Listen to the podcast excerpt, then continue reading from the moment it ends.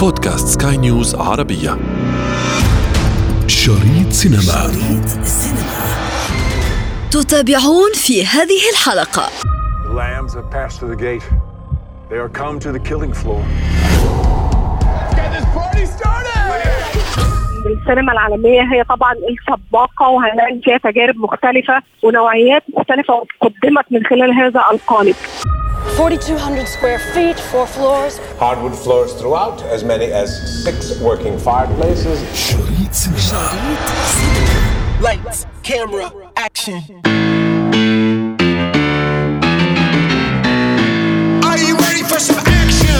هنالك نوع خاص من الأفلام تصنيف غريب ولكن ببراعه مثيرة. أفلام لم تتحرك الكاميرا أبعد من مكان واحد لتصوير ما يحصل. وغالبا ما تكون هذه الأفلام مليئة بالرعب والتشويق. أنا شخصيا أجد هذه الأفلام مثيرة للاهتمام بالفعل فيجب أن تكون القصة قوية جدا وقادرة على منعنا من التفكير أن هذا الفيلم صور في مكان واحد. وقادرة أيضا ألا تصيب مشاهديها بالضجر العميق. أنا ابتسام العكريمي وهذه حلقة جديدة من بودكاست شريط سينما على سكاي نيوز عربية. لا تفوت سينما ما فيش سوء ابدا. ما فيش إحساس. كل ما اتكلم أنا كلمة تتكلم أنت عشرة. نعم يا سيدي. إيه الحاجة المهمة قوي اللي سيادتك عايز تقولها لي؟ السكان بجالهم وأنت معلقين في الأسانسير. وسالم. سالم مش عارف يمشيه. أما نوح صحيح واقف ساكت سنة عم بيقول من الصبح أنتوا تفلحوا في حاجة. طول النهار قاعدين على الباب زي تلامة السلطان. آه جاية. في البداية دعونا نعود بذاكرتنا إلى عام 1959 حيث اشتهر فيلم سينمائي دارت أحداثه الرئيسية في مصعد البناية فقط. فيلم أخذ من رواية المبدع نجيب محفوظ. أما السيناريو فكان للسيد بدير وصلاح أبو سيف. أما في دور البطولة فقد رافقتنا الديفا هند رستم. وعملاق الكوميديا عبد السلام النابلسي. تذكروا معي فيلم بين السماء والأرض. أبو نخلة هيغمى عليه. الساعة كم من فضلك؟ فوق فوق الساعة كم من فضلك؟ آه، حاضر آه. موجود.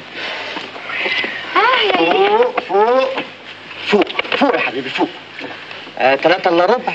آه، تلاتة إلا تلت. ثلاثة آه. يا دي المصيبة الميعاد قرب بعد إيه؟ اصلها ميعادنا كلها ساعة وربنا يرحمنا. إنا لله وإنا إليه راجعون. من مصر الناقدة السينمائية والكاتبة الصحفية علا الشافعي. ما بين السماء والأرض هو واحد من أهم الأفلام اللي قدمها المخرج صلاح أبو سيف. وكانت القصة السينمائية للاديب نجيب محفوظ.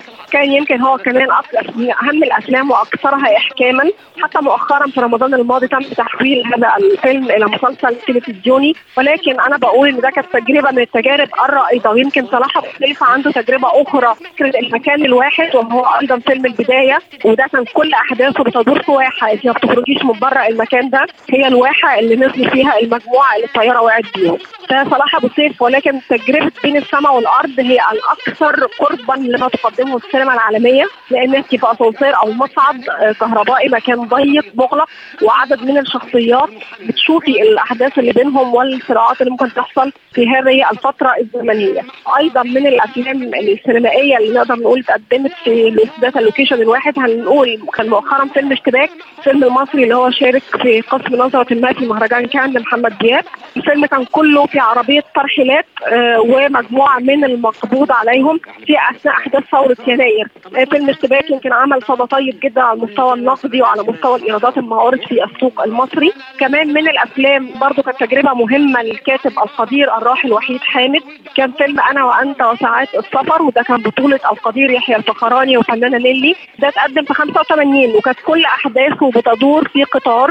ولقاء يجمع ما بين البطل والبطلة بعد فترة غياب هما اتنين كانوا بيحبوا بعض في أيام الجامعة ولكن تفرقت بينهم السبل. هي اختارت طموحها المادي وغيره. آه، فتقابلوا أحداث الفيلم كله في القطار. كمان من الأفلام عندنا فيلم تاني اسمه القطار ده اتقدم 86 ده كان إخراج أحمد فؤاد الراحل أحمد فؤاد وكانت كل أحداثه تدور أيضا في قطار كان بطولة نور الشريف ميرفت أمين يوسف شعبان. أحداث عن فقر وقصة خيانة زوجية ده كان فيلم القطار. المخرج سامح عبد العزيز قدم فايت أيضا في 2008 فيلم كباريه وده كان كل الاحداث الفيلم في مشاهد خارجي بس الأحداث الرئيسية للفيلم كانت داخل الكباريه. وفي فيلم ساعة ونص 2012 قصه القطار الشهيره في مصر واللي توفى فيها عدد كبير من الناس ده كانت في الألفينات. عندنا كمان فيلم ايتن امين وده كان من تجاربها الثانية الروائية ايتن فيلم اسمه فيلا 69 ده اتعمل في 2013 وده كانت كل أحداثه في داخل هذه الفيلا. فأقدر أقول إن السينما المصرية اجمالا يعني دي عدد التجارب اللي قدمت فيها. السينما السورية في تجربة مهمة جدا قدمها المخرج نبيل المالح كانت بطولة اسلام كوسة كان فيلم آه، كومبارس. ده برضو كانت أحداثه في مكان واحد ضيق للغاية. شريط في موروثنا السينمائي العربي هنالك الكثير من الأفلام التي تناولت مواضيع عدة. بطريقة ملهمة شدت المشاهد ووضعته أمام حالة من الغموض والإثارة. رغم أن صيرورة تلك الأفلام دارت معظمها إذا لم تكن كلها في مكان واحد. لكن ما يميز الإنتاجات العربية التي صورت في مكان رئيسي واحد هو أنها لم تحمل في طياتها الطابع المؤجج لمشاعر الرعب بل انطبعت كلها باللون الدرامي أو الكوميدي. بداية كده في الحوار عن الأفلام اللي هي صورت في مكان واحد لازم ألفت النظر إن السينما العالمية هي طبعا السباقة وهنلاقي فيها تجارب مختلفة ونوعيات مختلفة قدمت من خلال هذا القالب.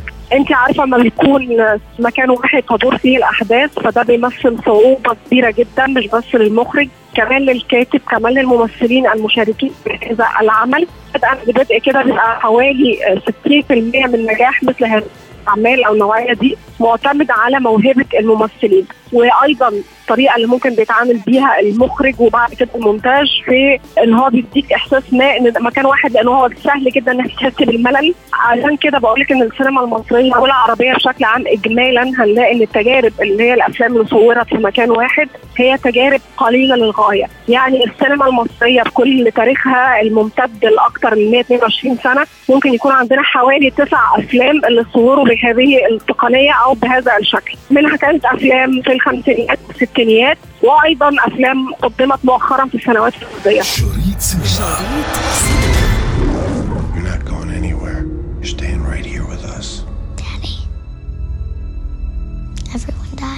أما سينما هوليوود ولئن ذهبت أيضا في مسار الإنتاج السينمائي ذي المكان الواحد فقد اختلفت في طريقة تناولها وفي انتقائها لمواضيع اتسمت كلها بالغموض والإثارة بل تلونت معظمها بالطابع المرعب ومن أشهر تلك الأفلام رأينا فيلم 1408 Devil Panic Room The Mist و Guilty مساحة السينما في هوليوود المساحة طبعا واسعة وهناك تجارب مهمة ورائدة قدمت في السينما الأمريكية على مدار تاريخها. عندك كمان Panic Room وعندك The Room يعني في أفلام كتيرة جدا فيلم Window هيتشكوك. أفلام كلها اتقدمت آه، كلها في location واحد بتدور الأحداث. عشان كده بقول لك إن هي دي صعوبتها الأفلام دي إن كمان إن انت تقدري تقدمي عمل محبوك تماما. ففي أفلام تقدري تقولي جزء منها كبير بيعتمد على الإثارة والتشويق. أو مثلا أفتكر مؤخرا كمان كان من أهم الأفلام اللي عرضت كان فيلم جلتي وده كان فيلم مهم جدا. أخذ جوائز كتير حصل عليها. كان معمول يعني ايقاع مشدود طول الوقت مده عرض الفيلم. أنت ما بين آه، إن هو إيه اللي هيحصل؟ للست اللي هو بيحاول ينقذها آه، وهو بس معاها على التليفون. فالسينما الهوليودية بشكل عام والسينما الأمريكية عندها تجارب مهمة جدا جدا في منطقه أفلام في الأفلام اللي صورها في مكان واحد. ده بيحتاج تكاتف وتكامل عناصر الفيلم بشكل عام. ما تقدريش ما يكونش عندك سيناريو قوي ومنضبط. ومحسوب بدقة ولا نجوم ممثلين أقدر أقول موهبه ثقيلة مهم- مهمين ولا أيضا ايقاع مونتاجي مهم فكل تضافر هذه العناصر هي اللي بتقدم لنا آه، بت- بتضمن نجاح هذه النوعيه من الأفلام شريط Why is elevator 6 in inspection mode? Oh, come on, man. What's happening? Nothing. Just relax. What was that? ومن هذا المنطلق يبقى المشاهد دائما في حالة من التساؤل والحيرة. هل أن العمود الفقري لهذه الأعمال يكمن في اختيار الأبطال أم في جودة الحبكة القصصية التي تنتجها أنامل السيناريست؟ أنا بشوف إن المسألة لازم يكون فيها تكامل كبير جدا. ولكن الحقيقة بشوف إن النجوم المشاركين في الأعمال النوعية دي من الأعمال لازم يكونوا موهوبين للغاية. لأن هنا لو أنت عندك حتى ضعف في جملة حوار أو ضعف في السيناريو عادة الأفلام تتصور انت عندك براح في الحركة ويمين وشمال الحوار ولكن انت لو محصورة في مكان واحد زي مصعد أو حجرة ضيقة فهنا السيناريو لو ما كانش كمان قوي جدا والممثل موهبة كبيرة قوي الحقيقة هيبقى في خلل في مثل هذه النوعية من الأفلام. عشان كده أنا بشوف هي تكامل وأيضا المخرج عليه دور. هي الزوايا اللي بياخد بيها الشطات بتاعته أو لقطاته ده بتفرق كتير جدا وإيقاع المونتاج والموسيقى التصويرية. عشان كده النوعية دي من الأفلام مش هنلاقي إن في مخرجين كتير بسهوله بيقدروا يعملوها.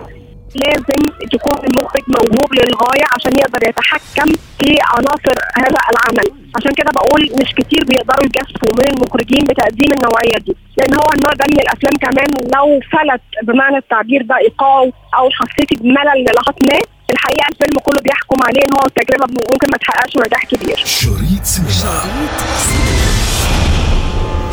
It's called a panic room. What? A safe room. Castle keep in medieval times. Board concrete walls, buried phone line not connected to the house's main line.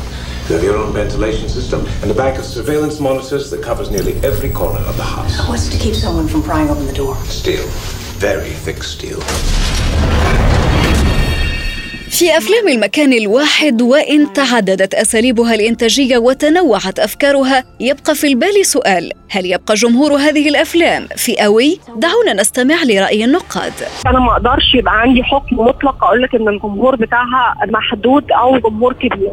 الحقيقة ده بيتوقف على التجربة نفسها لأن في أفلام تجارية وحققت نجاح وعملت إيرادات كبيرة جدا في النوعية دي أفلام المكان الواحد. يعني مثلا اللي هو ديفل ده كان كله في الأسانسير برضه أو في المصعد وده حقق نجاح كبير جدا. ممكن مثلا اللي هو Phone Booth ده برضه حقق نجاح كبير آه، تجاريا. فاللي بقصده هو الفيصل الأساسي في هذه النوعية اللي هي تجذب الجمهور سواء جمهور فئوي أو جمهور كبير هو التركيبة نفسها. هي الأفلام دي النوعية دي ممكن تقدمي من خلالها أفلام رعب أفلام تشويق وممكن يبقى ده جاذب لشريحة الشباب مثلا اللي هم الفئه العمريه اللي ممكن تبقى بتحب التركيبات دي من نوعيات الأفلام اللي فيها غموض إثارة تشويق ده ممكن يحبوه. ولكن أيضا من زاوية ثانية هي أيضا ليها جمهور نخبوي جدا في المهرجانات. أقدر أقول إن في تجارب رائدة اتقدمت في المهرجانات من النوعيات دي منها من أقدم الأفلام اللي اتعملت اللي هو اسم 10 رجلا طبقا للترجمة يعني العربية. ده كان من الأفلام اللي حقق نجاح نقدي كبير جدا. وزي ما قلت لحضرتك مؤخرا كان فيلم جلسي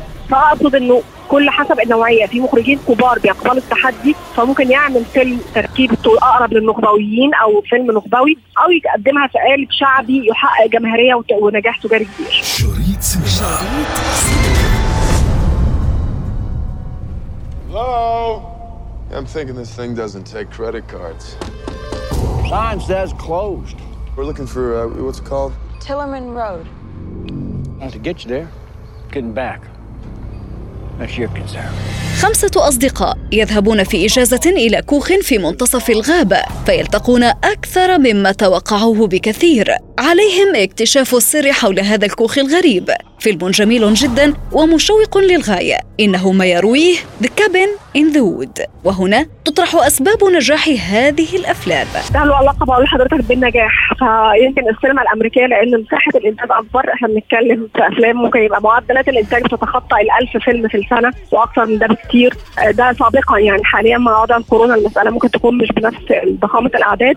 فهنا كان في مساحة للتنوع أكتر. عشان كده يمكن نوعية الرعب لأن هي موجهة لفئة الشباب الشرائح العمريه من آه، 15 سنة لحد مثلا 21 فممكن يبقى هنا النوعيات دي أقرب لذائقتهم الفنية. فبتنجح فيها السينما الأمريكية بشكل كبير. وخلينا كده معترفين إحنا الحقيقة عندنا أزمة في صناعة دراما الرعب في الدول العربية. دايما بنقدم آه، تجارب على قدنا إنجاز التعبير. يعني أنا ما بشوفش إن إحنا بنعمل في منطقه الرعب والتشويق دي ما عندناش منجز حقيقي في السينما العربية والمصرية بشكل عام. عشان كده إحنا اميل لما هو اجتماعي ما هو كوميدي ممكن نقدر نقدمه كويس. هوليوود عندها التنوع الكبير ده مش زينا إحنا. شريط سينما.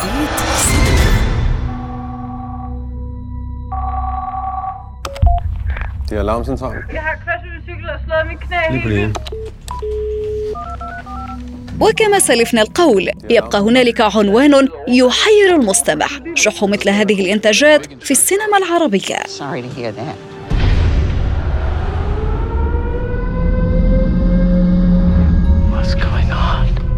أفلام المكان الواحد إذن هي أفلام لا توصف إلا بالذكاء فإنتاج حبكتها يتطلب نباهة وحرفية في عالم الفن السابح.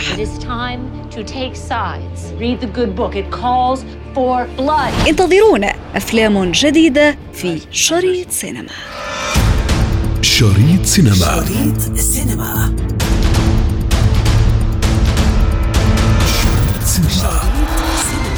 في ختام حلقتنا من شريط سينما ضمن منصة بودكاست سكاي نيوز عربية. نذكركم بمتابعتنا والاستماع لنا عبر تحميل منصاتنا المختلفة من البودكاست التي تجدونها على Apple Store و Google Play كنت معكم في التقديم أنا ابتسام العكريمي ومن إخراج نويل بولوس.